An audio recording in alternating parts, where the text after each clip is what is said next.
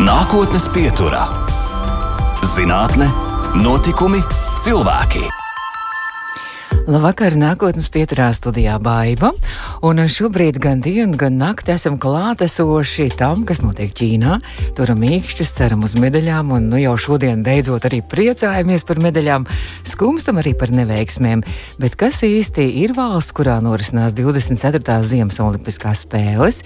Vieta, kur radies ne tikai koronavīrus, bet arī izgudros papīrs, porcelāns, kompas, šaujampulvers, pirmā zvaigžņu karta un desmit ciparu sistēma matemātikā Ķīnā, valsts, kurā ir dzimis ne tikai Ķīnas komunistiskās partijas vadītājs Mao Ceduns, bet arī domas Dižgars Konfūcijas.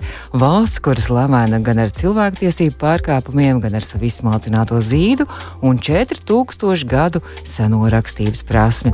Kas un kāda īsti ir Ķīna, kādas ir tās ambīcijas un loma uz starptautiskās skatuves, kādas ir Latvijas attiecības ar šo lielu valsti, mums šodien palīdzēs saprast nākotnes pieturas viešņa, politoloģe, Ķīnas pētniece, Rīgas Tradiņu Universitātes Ķīnas studiju centra vadītāja un Āzijas programmas vadītāja Latvijas ārpolitikas institūtā politikas zinātņu doktore Una Bērziņa Čerenkova. Un, una, labvakar, saku, oi, tūlīt pieslēgšu arī ēteram, būs tūlīt viss kārtībā. Jā, saku, labvakar jums ēterā, Una, labvakar. Sveiki, labvakar, paldies par tādu plašu, plašu ievadu un ļoti, ļoti pareizi. Un arī apsveic, protams, ar medaļu pirmo mūsu latviešu komandas izcīnīto šodien Olimpiskajās spēlēs tieši Ķīnā. Bet, Una, jūs droši vien, ka zinat vairāk un plašāk varētu arī no savas personīgās pieredzes zināt par Ķīnu. Jūs esat studējis Ķīnā gan Pekinas valodas universitātē, gan arī Fudaņas universitātē Šanhajā. Nu, kāda ir tā Ķīna vai mūsu priekšstati, tas, ko es pateicu, un kas mums šobrīd ir tā, nu, kad domājam par Ķīnu, vai tie ir tiešām tādi patiesi? No jūsu viedokļa raugoties? Vispirms ātrs komentārs par medaļu, par bronzu. Šodien mums bija doktorants seminārs Stradiņos attālināti, un viena no kolēģiem prezentēja teorētisko debati savā, savā eh, pētāmajā sfērā, un, un čata loks pēkšņi iedegās, un viena cita kolēģi raksta, mums ir bronza! Tā kā tiešām gribi, negribi, bet olimpiāda tiešām ir mūsu ikdiena, un prieks, protams, par medaļu. Nu, jautājums, kas ir Ķīna, īstenībā ir lielisks jo tas tiešām ir kaut kas, ar ko vajadzētu sākt. Ķīna ir kontinents, Ķīna ir civilizācija, Ķīna ir absolūta tautu dažādība, bet tāpat laikā Ķīna ir arī valsts.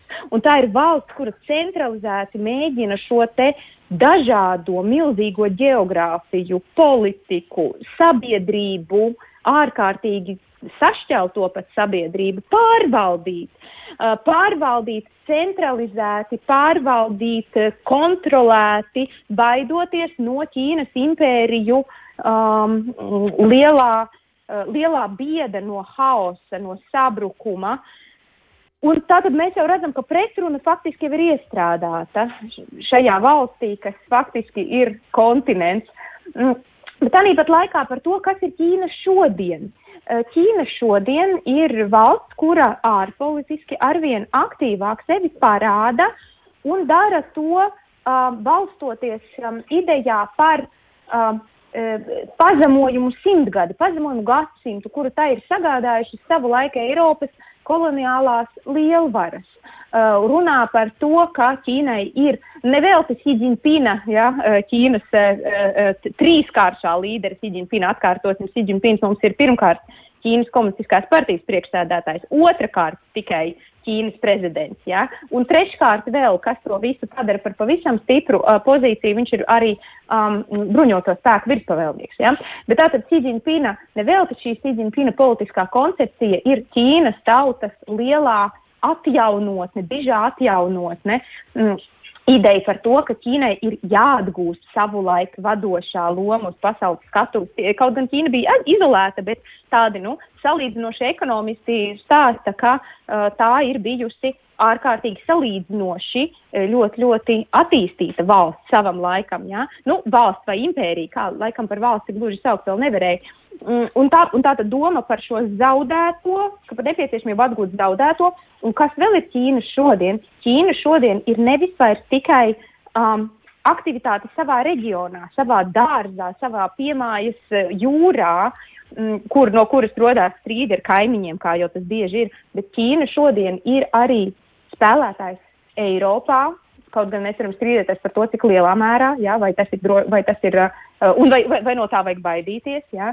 Uh, katrā ziņā Eiropas, Eiropas Savienība arvien vairāk pievērš, pievērš tam uzmanību, un uh, Ķīna pilnīgi noteikti ir kaut kas tāds, kas, kura, kura ietekmi līdz galam mēs pat nevaram izmērīt, jo tad, kad Lietuva mm, izveidoju savu. Starp citu, man drīkst pārtraukt. Es varu, es, man ir lekcija balss, es varu pusotru stundu runāt, tā kā pārtraukt. Jā, nē, nē. Drīz pārtraukšu. Jā, jā, ideja tāda, ka, li, ka Lietuva atsakoties no um, Ķīnas piedāvātajiem formātiem un attīstot sadarbību ar Taivānu, nebija rēķinājusies ar to, cik ārkārtīgi daudz instrumentu, pakārtotu netieši instrumentu ir Ķīnas rīcībā, lai ietekmētu citas valstis. Un tas ir tas, kas ir Ķīna šodien. Mm -hmm. Bet runājot par uh, Ķīnu šodien, arī pēdējos divos gados, droši vien, arī šis uh, koronavīrus, kas tomēr laikam nāk no Ķīnas, tomēr ir diezgan arī pabojājis Ķīnas prestižu un arī Ķīnas reputāciju arī uh, starptautiskajā arēnā. Jā, par koronavīrusu, nu, teiksim tā, es gribētu teikt, ka varbūt problēma ne tik daudz ir tajā, ka tas nāk no Ķīnas, ja, jo daudzi tādi nu, uzbrukumi attiecībā uz to, ka vīruss ir ķīniešu, bija tādā rasismā un ksenofobijā uh, bāzēts. Tieši mēs bijām uh, Kalifornijā, tajā laikā Stanfordā ar kolēģiem, un uh, kad, kad, kad, kad vīrus sāk izplatīties arī ārpus, ārpus Ķīnas. Un mēs redzējām, cik ārkārtīgi cieta uh, tie cilvēki, kas bija ar ķīniešu izcelsmi, vai arī vienkārši ar ķīniešu seju. Uh, Uh, kur, kuru, kuru restorānos pārstāja būt apmeklētāji, ja, kuri tika kaut kādā veidā apsaukāti. Tāpēc varbūt šeit izdalīsim problēmu ir nevis tajā, no kurienes nāk vīrus. Vīrus būtu varējis rasties jebkur. Problēma ir tajā, ka šī centralizētā struktūra, kurā īsti nav vietas trauksmes celšanai, nenoreaģēja laikus.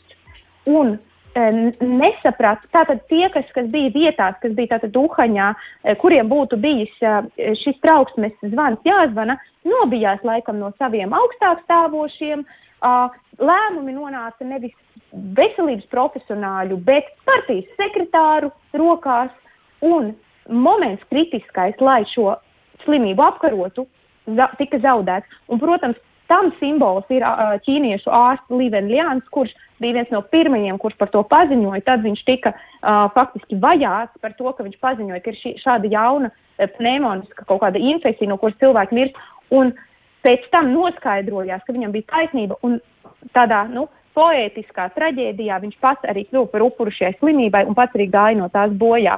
Un tas ir simbols tieši šai atrautībai starp Nu, faktiski tas ir slikts mm. menedžments, runājot rietumu, rietumu vārdiem. Runājot vēl par Ķīnas eh, šo prestižu un vispārējo arī šobrīd atkal uzmanības centrā atkal vairāk ir uzvirmojas arī šis, eh, šī lieta par eh, cilvēktiesību pārkāpumiem Ķīnā un arī daudzu mm, pasaules valstu līderi arī nav devušies uz Ķīnas olimpiskajām spēlēm, uz Pekinas olimpiskajām spēlēm precīzāk, un arī tās diplomātiskais boikots gan Amerika, gan Kanāda, arī Austrālija. Itālija, Lielbritānija, nu arī Latvijas mūsu augstākās personas nedavās, nu gan it kā cits skaidrojums vīrus tur ir, bet, bet par cilvēku tiesību pārkāpumiem jūsu skaidrojums, ja mēs klausītājiem varētu izstāstīt, kas tur pa lietu ir un kāda ir problēma. Jā, nu, faktiski Ķīnā mm, mm, oficiāli Ķīna apgalvo, ka tā pret cilvēktiesībām, ko tā uz cilvēku, cilvēktiesības skata caur citu prizmu. Ja? Tā tad nevis indivīda tiesības, bet gan sabiedrības tiesības uz attīstību. Pareizi sakot, individu tiesībām ir loma tikai tik daudz, cik viņš nepārkāpj sabiedrības tiesības uz attīstību. Mēs jau intuitīvi jūtam, ka tā ir mazliet demagoģija, ja? vai ne? Jo, jo tas ir kaut kas tāds, ko var izmantot nu, daudzu noziegumu attaisnošanai, bet tā ir tā oficiālā pozīcija, uh, kuru, kuru, kuru Ķīna pauž. Um, Tāpat laikā uh, jāsaka, ka, protams, kas tur ir par stāstu, par ko ir runa? Runa ir nu, pirmkārt par uh, uh, politiku attiecībā pret etniskajām minoritātēm. Nu, Ķīnā ir uh, viena uh, etniskā majoritāte, tie ir haņi, ja, kas ir uh, uh, gandrīz nu, pār 90% no iedzīvotāju. Un tad ir uh, oficiāli, principā, vēl 55 mazākuma tautības, dažādas skaitliski, citām ir sava rakstība, citām nav.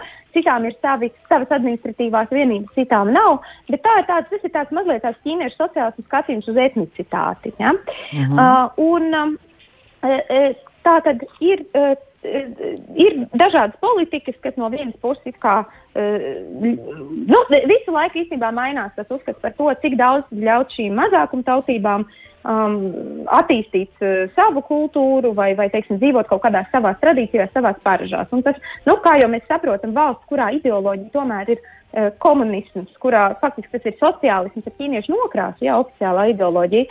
Um, mēs jau arī atceramies savu laikā padomju savienībā grūti gāja ar nacionālajām politikām. Nu, mazliet līdzīgi. Tātad, uh, kur šeit ir apdraudējums sociālistiskajam dzīvesveidam, ja tā nosacīti sakot.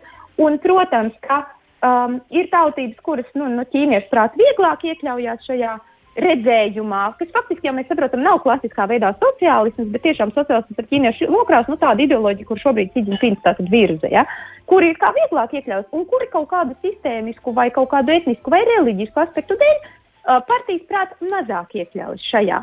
Nu, un, protams, ka tie ir, tās ir gan tautas, kurām ir kaut kādas, nu, Uh, pašnoteikšanās uh, ambīcijas, ja, nu, cik nu, tibetieši, ja, tās, un tās ir arī tautas, kurām ir uh, uh, pretruna un, un, un kurām uh, ar, ar šo ideoloģiju reliģisku apsvērumu dēļ, un tie tad būtu uiguri. Un, oficiāli Ķīna apgalvo, tātad Ķīnas rietumu provincē Xinjianā mītošā tjurku tauta.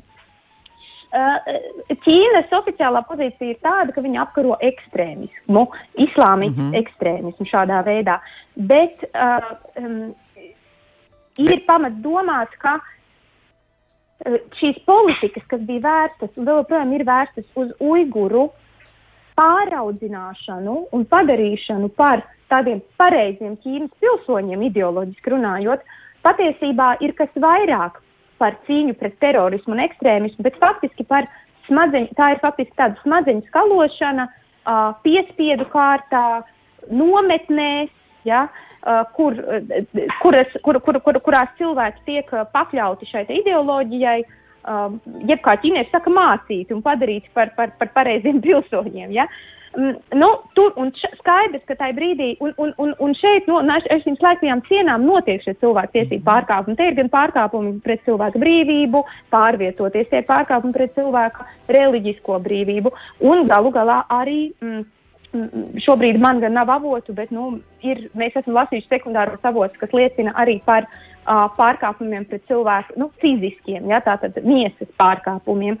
Un te ir tā problēma. Tas ir tas, kas šobrīd, bet skaidrs, ka Ķīnai uh, cilvēktiesību stāsts ir jau gana sens. Uh, 89. gadsimta ķeņemeņa uh, laukuma sacelšanās apspiešana agresīvā veidā ar armiju bija pirmā tāda nu, rietumu. Um, vilšanās. Ja? E, protams, tas izklausās tā, ka rietumi drīkst vilties kādā un ir kādā augstākā pozīcijā, bet nu, tiešām bija cerība uh, pēc Denis Jaupīna politikas, pēc 79. gada, pēc Ķīnas atvērtības un reformām, ka kaut kādā veidā Ķīna iet tajā virzienā, kas ir vismaz tādā vērtību līmenī kaut kur samērojams ar, ar rietumu skatījumu. 89. gads parādīja, ka īsti tā nav. Uh, Un, un tālāk ar vien, un, un faktiski šodien tas, tas ir arvien vairāk tā. Vēl viens piemērs ir Hongkonga, ja, kas arī par, par ko runā, ka tie ir, tie ir pārkāpumi attiecībā uz cilvēku politisko brīvību un, paš, un tātad pašizteiksmi tiek uh, nu, diezgan. Mm, asā veidā ierobežot tas hongkongiešu uh, līdzšinējās tiesības. To, protams, var saprast no politikas plānošanas viedokļa, jo uh, saskaņā ar līgumu, ar kuru Hongkonga tika nodot Ķīnas pārvaldībā no Lielbritānijas, kas stājās spēkā 97. gadā, tika apsolīts 50 gadu pārejas periods. Nu, Rupji runājot, Hongkongā nekas nemainīsies līdz 47. gadam. Un Ķīna tam bija piekritusi to laiku, jo bija pārliecināta, ka šie jaunie hongkongieši, kas dzimst šajā jau atbrīvotajā Hongkongā, Ķīnas ietveros, viņi būs Ķīnas uh, kompartijas un, un Ķīnas tautas republikas patrioti, ka viņi būs priecīgi atbrīvoties no Britu koloniālā jūga. Bet tas, ko ķīnieši nebija gaidījuši, ko lielā Ķīna, ko Pekina nebija gaidījusi, bija tas, ka šī jaunā paudze tieši otrādi jutās apdalīta, jutās, ka viņi ir no kaut kādas valsts, kas, kas viņu izpratnē bija progresīvāka, ielikti valstī, kura attīstās. Ka viņi, ka viņi šādā veidā nu, viņi nebija ar to mierā un ka radās ļoti spēcīga hongkongiešu pretidentitāte. Mm -hmm. Nu, un tādā veidā Ķīna īstenojot šīs politikas, kuras mēs saucam par cilvēktiesību pārkāpumiem, viņi nodrošinās, viņi mēģina uh, Uh, lai, lai nav pavisam par vēlu, ja Hongkongā, bet nu skaidrs, ka tas ir pārkāpums. Nu, lūk, arī atgriežoties pie Olimpiskajām spēlēm, arī mēs apmēram sapratām, pret ko arī protestē un arī kādreiz savu, savulaik arī bāda streiki rīkojas arī um, kamaniņu braucējuši un izlases treneris arī Mārtiņš Rubens, bet um, mums ir laiks mūzikai un mūsu nākotnes pieturas attālinātā viešņa šodien ir Ķīnas studiju centra vadītāja Stradiņa universitātē, arī politikas zinātņu doktore un Bērziņa Čerenkova. Nākotnes pieturā. Turpinām nākotnes pieturu, un šodien mūsu attālinātā viesņa ir politoloģe, politikas zinātņu doktore, arī Ķīnas pētniece, Rīgas Stardiņa Universitātes Ķīnas studiju centra vadītāja un Āzijas programmas vadītāja Latvijas ārpolitikas institūtā un Bērziņa Čerenkova. Un esam atgriežusies, un tikko arī skanēja dziesma par piemiņu arī jūs tētim. Nu, te jūs tēts bija vienkārši izcila personība Latvijas kultūrā, dzēnieks, tulkotājs, zinātnieks. Um, es nezinu, cik daudz valodas viņš pārzināja. Ģermāņu, turku, slāvu, semītu, irāņu, skandināvu, tulkojas Korānu, tulkojas no senēbriju valodas veco derību, arī zviedru, spāņu, persiešu. Uh, nu, bezgā daudz. Un cik pati jūs valodas zināt? Jā, es zinu tikai labi, ja sešas. Tikai. Un tas ir tikai. Jā. Protams, salīdzinot ar tēti, tas nekas nav, bet man ir tomēr viena priekšrocība, kuru viņš arī atzina. Tētis visās valodās runā ar tādu stipru, pamatīgu un ļoti lepnu latviešu akcentu. Ah. Es tomēr centos, cen, cenšos izlikties par vietēju un cenšos no latviešu akcentu tikt vaļā. Nu, kāds tad ir tās jūsu valodas? Nu, latviešu, protams, pirmā vai nē? Vēl kāds? Manas, manas dzimtās valodas ir latviešu un krievu. Uh, Um, mana mamma ir krieviete, tāpēc vienmēr esmu runājusi faktiski kā pirmā jau laikam pat krievu. Uh -huh. um, krievu, latviešu, lietuviešu esmu gājis Rīgas Lietuviešu vidusskolā, franču, angļu, nu, un ķīniešu. Un pamazām mēģinu ielauzīties arī vācu valodā. Ah. Viegli nav. Ķīniešu valodu jūs arī pat esat pasniedzēji. Arī jūs, laikam, savā studiju centrā arī mācat arī ķīniešu valodu. Laikam, kurs ir iespējams arī apgūt. Ja? Tieši tā, jā, mēs pasniedzam, un mēs esam izstrādājuši arī diezgan, nu, gribētos teikt, labu, pamatīgu metodiku, kā cilvēkiem ar mūsu valodām saprast gan ķīniešu valodas izrunu, gan hieroglifu loģiku, ķīnzīmju loģiku, gan arī veidot teikumus. Tāpēc mūsu beidzējiem ir diezgan labas sekmes. Vispār ir liela interese, cik, cik teiksim, gada laikā, kā mēs varētu rēķināt, studenti ir tieši valodu mācās. Jāsaka gan, ka pa šiem Covid gadiem mēs esam uh, mazliet uh, mazāk to īstenošanu strādājuši tikai ar tām grupām, kas jau bija zināmā līmenī, mm. jo sākt mācīt valodu attālināt ir grūti, bet uh, burtiski pirms dažām dienām mēs sākām atkal saņemt ēpastus, kaut kas ir noticis, vai pavasaris gaisā, vai tas, ka mēs Covid ierobežojumus mazliet mīkstināsim, un cilvēki tiešām interesējās un nāk. Un par to man liels prieks. Olimpiskās spēles varbūt tikai... ierosina arī uz to ķīniešu valodu. nu, protams, kā man prātā neienot, tas pilnīgi taisnība. Katrā ziņā mēs mācām gan stradiņu studentiem un mācību spēkiem, gan arī plašāk visai sabiedrībai. Un visjaunākais mūsu kursu klausītājs ir bijis 13 gadnieks, kurš bija izlūdzies, lai viņu paņem, kaut arī oficiāli ņemam tikai no 15. Un visvecākā kursu klausītāja mums ir bijis 73 gadus vecs. Runājot vēl par Ķīnu, nu, mēs jūs jau minējāt savu mammu. Faktiski droši vien arī tā interese par Ķīnu jums ir samērā tāda likumsakarīga, jo jūsu mamma Jēļena Staburova ir pirmā sinoloģijas studiju programmas veidotāja Latvijā un arī Ķīnas pētniecības, arī akadēmiskās pētniecības pamatlicēja Latvijā, tā mēs varētu teikt, jā? Nu jā, tādā veidā es arī līdz Ķīnai nonācu ar māmu kopā braucāt uz Ķīnu pirmo reizi, vai mamma stāsti iedvesmoja? Mm, pirmkārt, braucieni savu, kā, savu laiku uz Taipei, un otrkārt arī tas, ka mūsu mājās vienmēr ir bijuši visdažādākie cilvēki, kur runājuši visdažādākajās valodās, un tāpēc nekad ne, neviena vieta nav likusies tāla. Nu, jā, tad runājot tālāk par to Ķīnu, tad jūs mm, sākāt jau ķīniešu valodu mācīties Ķīnā, būdama bērnībā? Jā, desmit gados. Oho. Un kā veicās toreiz? Veicās, veicās tā, ka iemācīties runāt, un tas ir tas pats, ko mēs sakam arī mūsu studentiem. Iemācīties runāt pat nav tik grūti, bet rakstība gan prasīja zināmu piepūli, un tāpēc rakstību es apgūvu tikai jau universitātes gados kad bija spēks un pārliecība sevi kaut kā piespiest eh, un, un, un mācīties. Jā. Nu, ne tikai Ķīnā jūs esat studējis, jūs esat saņēmusi arī Fulbright stipendiju un devusies arī uz Stanfordu universitāti uh, Amerikā. Un arī tur turpinājis un papildinājis savas Ķīnas studijas un Austrumāzijas studijas, acīm redzot, laikam, ja? Kā jūs tur nonācāt un kādas tur bija tā, tās mācības un pētniecība? Uh, Jā, nu, e, pirmkārt, ša, e, uz Stanfordu aizbraucu jau savā uh, starptautisko attiecību speciālistu jomā, jo mācoties ķīniešu valodu, viena lieta kļuva pavisam skaidra. Valoda ir instruments, bet tas nav. Uh, tā, tā nav līdz galam profesija. Jā, veltīt sevi lingvistikai kaut kā es nevarēju. Ne, ne, man liekas, es nekad nezināšu ķīniešu valodu tik labi kā cilvēki, kur tajā dzimuši, auguši, izglītojušies. Līdz ar to man vajag kaut ko citu, kas, kur attīstīties. Uh, Un tā sociālās zinātnes, eh, politikas zinātnes un starptautiskās attiecības ienāca manā dzīvē, bet, eh, protams, eh, visaktīvāk interese sāk, sākās tieši tad, kad Ķīna sāka parādīties Baltijas valstīs. Un tad, tad, tad mēs runājam nu, par 11. un 12. gadu, un tad parādījās nepieciešamība pēc informētas uh, Ķīnas politikas analīzes, un nu, pavisam vienkārši runājot, nāca kolēģi, nāca e, mūsu valsts institūcija pārstāvji, sēdās pie mūsu lielā garā galda un teica, ko viņi grib, ko mēs varam viņiem piedāvāt, mm -hmm. kas tur visam ir apakšā.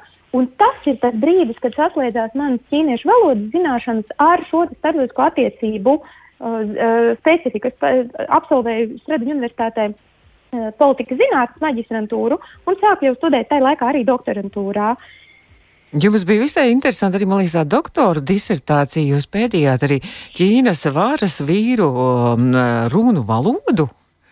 Ja? Tieši tā, es pētīju viena konkrēta varas vīra. Huģintau, kurš bija Siģintina priekštecis uh, runas.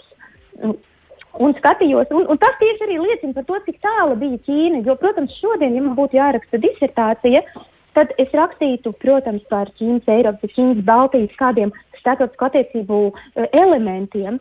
Bet uh, tajā brīdī Ķīna bija kaut kas tik ļoti neaktuāls mums, ka varēja tiešām sēdēt un rakstīt par uh, to, kā tad Ķīnas valsts vīri formulē šo Ķīnas nākotni, kā viņi izmanto tradīcijas sevis tādā nu, leģitimizācijā un, un, un solījumos, ja, cik ļoti tas atšķirās vai neatšķirās no iepriekšējiem līderiem, ja, vai, vai, ta, vai to vispār var saukt ideoloģiski, nu, tāda plašāka jautājuma, bet mm -hmm. to mhm. vispār var ideoloģiski saukt par sociālismu.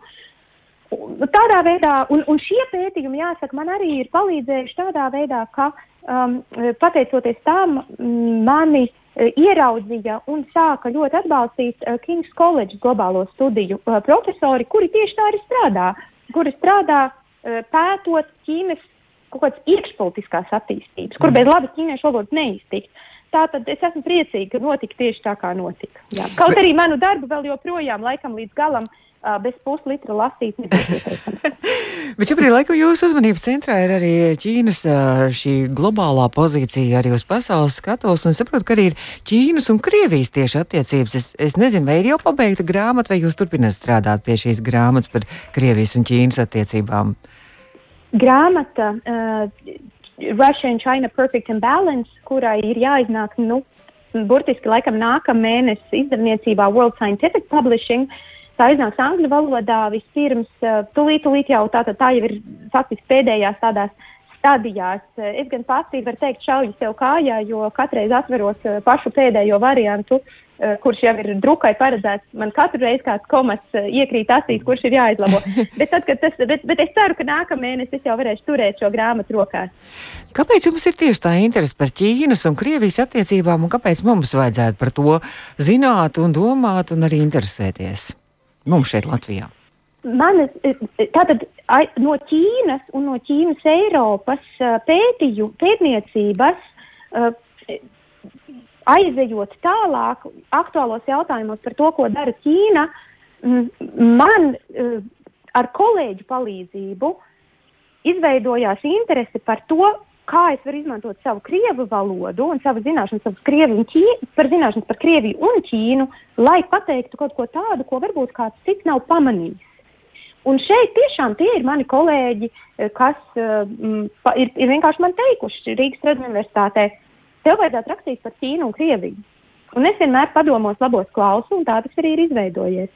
Es saprotu, ka jūsu raksti arī starptautiski tiek novērtēti un izraisījuši arī interesi starptautiskos izdevumos.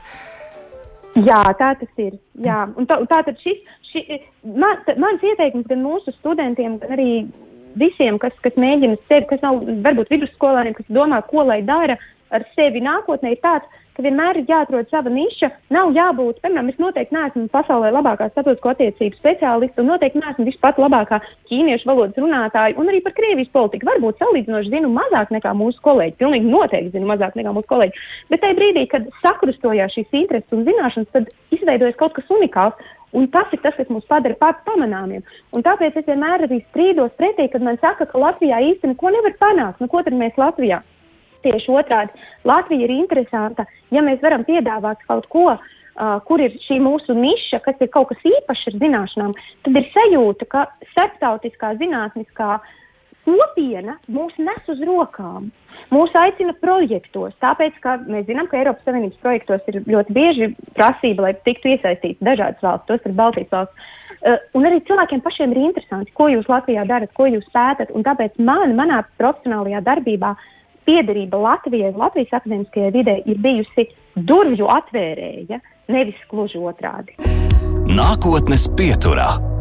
Un mēs turpinām nākotnes pieturu politoloģiju Ķīnas pētniece un arī Ķīnas studiju centra vadītājs Tradiņu universitātē, un Bērziņa Čerenkova šobrīd ir mūsu attālinātā viešņa, un, ap citu, un sveiciens arī jau rītdienas. Uh, Uh, UNESCO starptautiskajā dienā sievietēm un meitenēm zinātnē.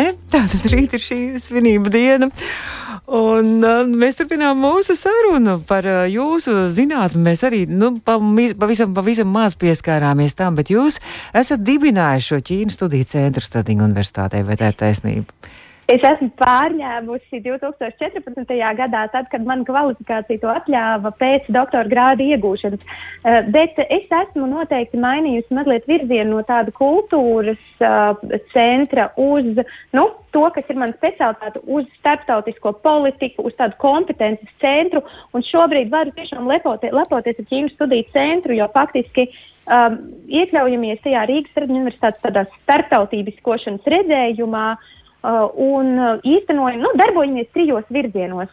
Izrunājām jau uh, pasniegšanu, jā, tātad pedagoģija, te ir gan valoda, gan arī kursi, kurus veidojam sadarbībā ar citām fakultātēm, tur Ķīnas ārpolitika, mm, Ķīnas Krievijas attiecības.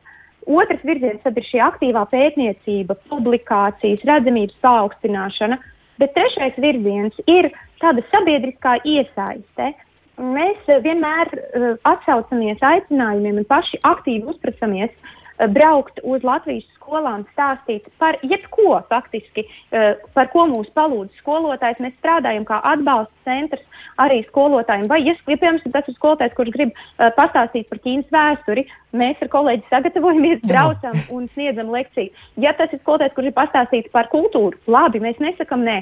Protams, mūsu sirdslieta ir politika un starptautiskās attiecības, bet mēs atsaucamies jebkuram lūgumam. Tātad šī sabiedriskā iesaiste, ja piedalāmies ēnu dienās, uh, tas ir tāds, nu, tāda varbūt pat misija, lai mēs esam ļoti atvērta struktūra vienība, uh, esam vaļā visiem, kaut arī atrodamies RSU, bet mūsu durvis ir vaļā visiem. Vai jūs arī uh, organizējat kādus starptautisko apmaiņu starp studentiem, uh, Stradiņu universitātes un ar Ķīnas augstskolas studentiem? Brauc uz turieni mūsējā un no, no turienes Ķīnas studenti brauc pie mums? Vai kādi zinātniski projekti kopīgi tiek varbūt arī organizēti?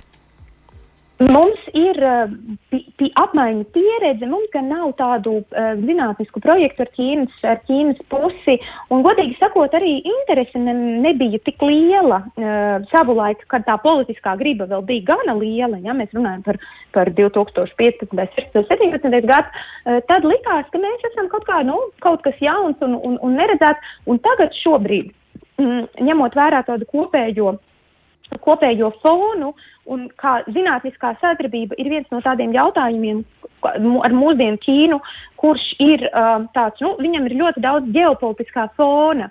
Tādā ziņā mēs vienmēr um, esam atvērti, atsaucīgi um, šīm um, uh, individiem, kas vēlas ar mums kaut kādā veidā uh, kaut ko uzzināt vai sadarboties, teiksim, uh, zinātniskā veidā kaut ko lūdz kādas publikācijas, bet uh, ar institūcijām mēs uh, tiešā veidā šobrīd nesadarbojamies. Jāsaka gan, ka mūsu studenti ir izmantojuši gan Ķīnas Tautas Republikas stipendijas studijām Ķīnā, gan arī Taivānas stipendijas studijām studijām, uh, studijām Taivānas augstskolās, un mēs vienmēr viņus informējam par to, kādos, pa kādiem ceļiem viņi var iet, ja viņi vēlas, vēlas braukt, vēlas uh, vairāk uzzināt, vēlas mācības. Un, protams, iesakam arī augstskolas, konsultējam.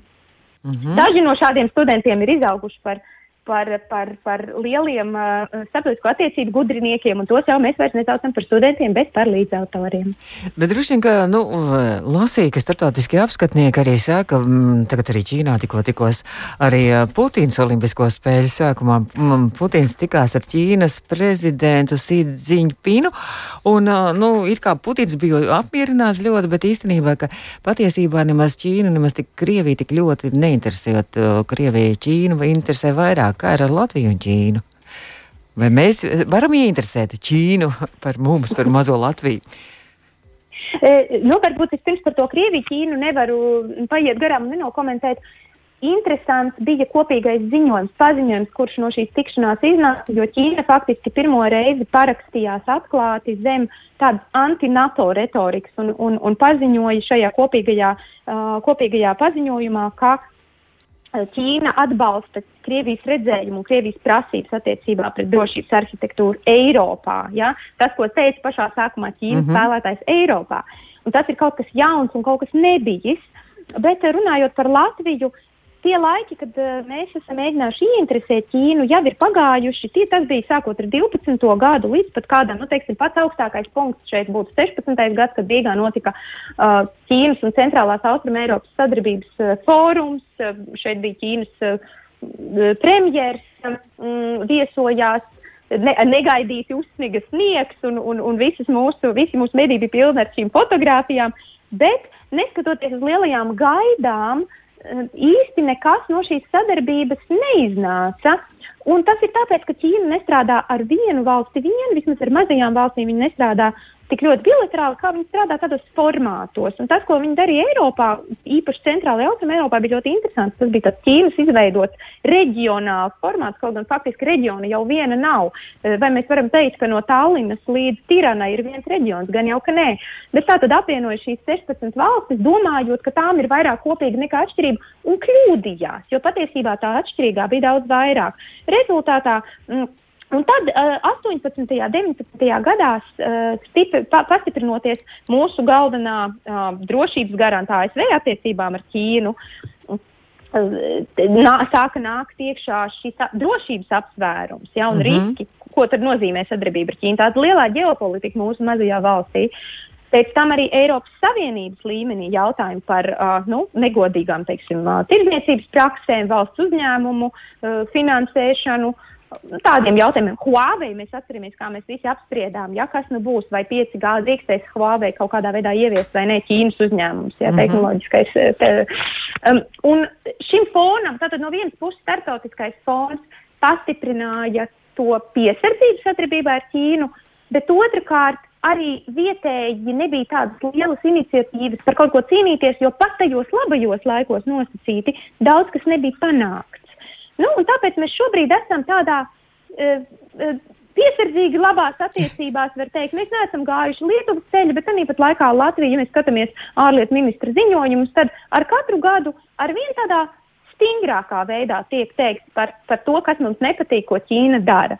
Un tajā pašā laikā, protams, Latvija nebūtu nav nedz asākā pret Ķīnu valsts Eiropas Savienībā, nedz arī reģionā. Mēs esam tādi nogaidītāji savā ziņā. Mēs skatāmies skatāmies, kas tad notiek ar Lietuvu, un tad mēs skatāmies, ko domā Igauni. Nu, varbūt tas ir pareizi no vienas puses, kāpēc ne? Tā tā diplomātija arī ir. Jā, tā mūsu lēnprātība varbūt šoreiz arī būs pareizais ceļš, vai ne?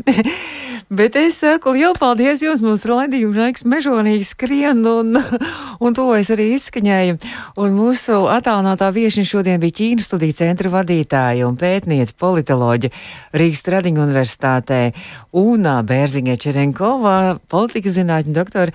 Una, Uz atvedām vēl, sakot, paldies jums milzīgi, ka jūs ziedojat laiku, lai mums iepazīstinātu mazliet ar Ķīnu un varbūt citu skatu arī pavērt klausītājiem. Bet uz atvedām vēl vienu jūsu izvēlētā mūziku, un šoreiz laikam tā būs jūsu meitiņas roka, ja? kas palīdzēja izvēlēties to. Jā, ja ar pirmajām divām dziesmām mēs ātri vien tikām galā un sapratām, kas ir šodien šī burvīgā iespēja jāizmanto un ko tad mēs gribam klausīties jūsu ēterā, tad ar trešo dziesmu līdz galam nebija skaidrs. Un tad uh, 15 gadnieki vienojās, ka um, instrumenti esot vislabākais un augstāka līmeņa mīlestība esot tas, kas ir jāliek. Nu, mēs uzticēsimies 15 gadniekiem. Saku lielu paldies jums, vai 15 gadniece arī uh, jau interesēs par ķīnu un ķīniešu valodu proti? Jā. Oh, fantastiski! Labi, saku jums lielu paldies. Tātad Duna Bērziņa Čerenko bija mūsu attālinātā viešņa. Un tad, lai tās mācības jūsu studiju centrā izdodas un arvien vairāk ir apmeklētāji, un lai, lai mums arī pāriet visu šī pandēmija un arī viss attālinātās mācības un būtu iespējas arī tad arvien vairāk, arvien vairāk arī, lai jums būtu studenti un būtu interesi par jūsu darbu. Paldies! Paldies jums. lai mums visiem labs šis tīģeru gads! Paldies! Ā, pareizi, taču Ķīnā tikko arī sākās tīģeru gads. Paldies! Paldies! Tā! Izskan nākotnes pieturā.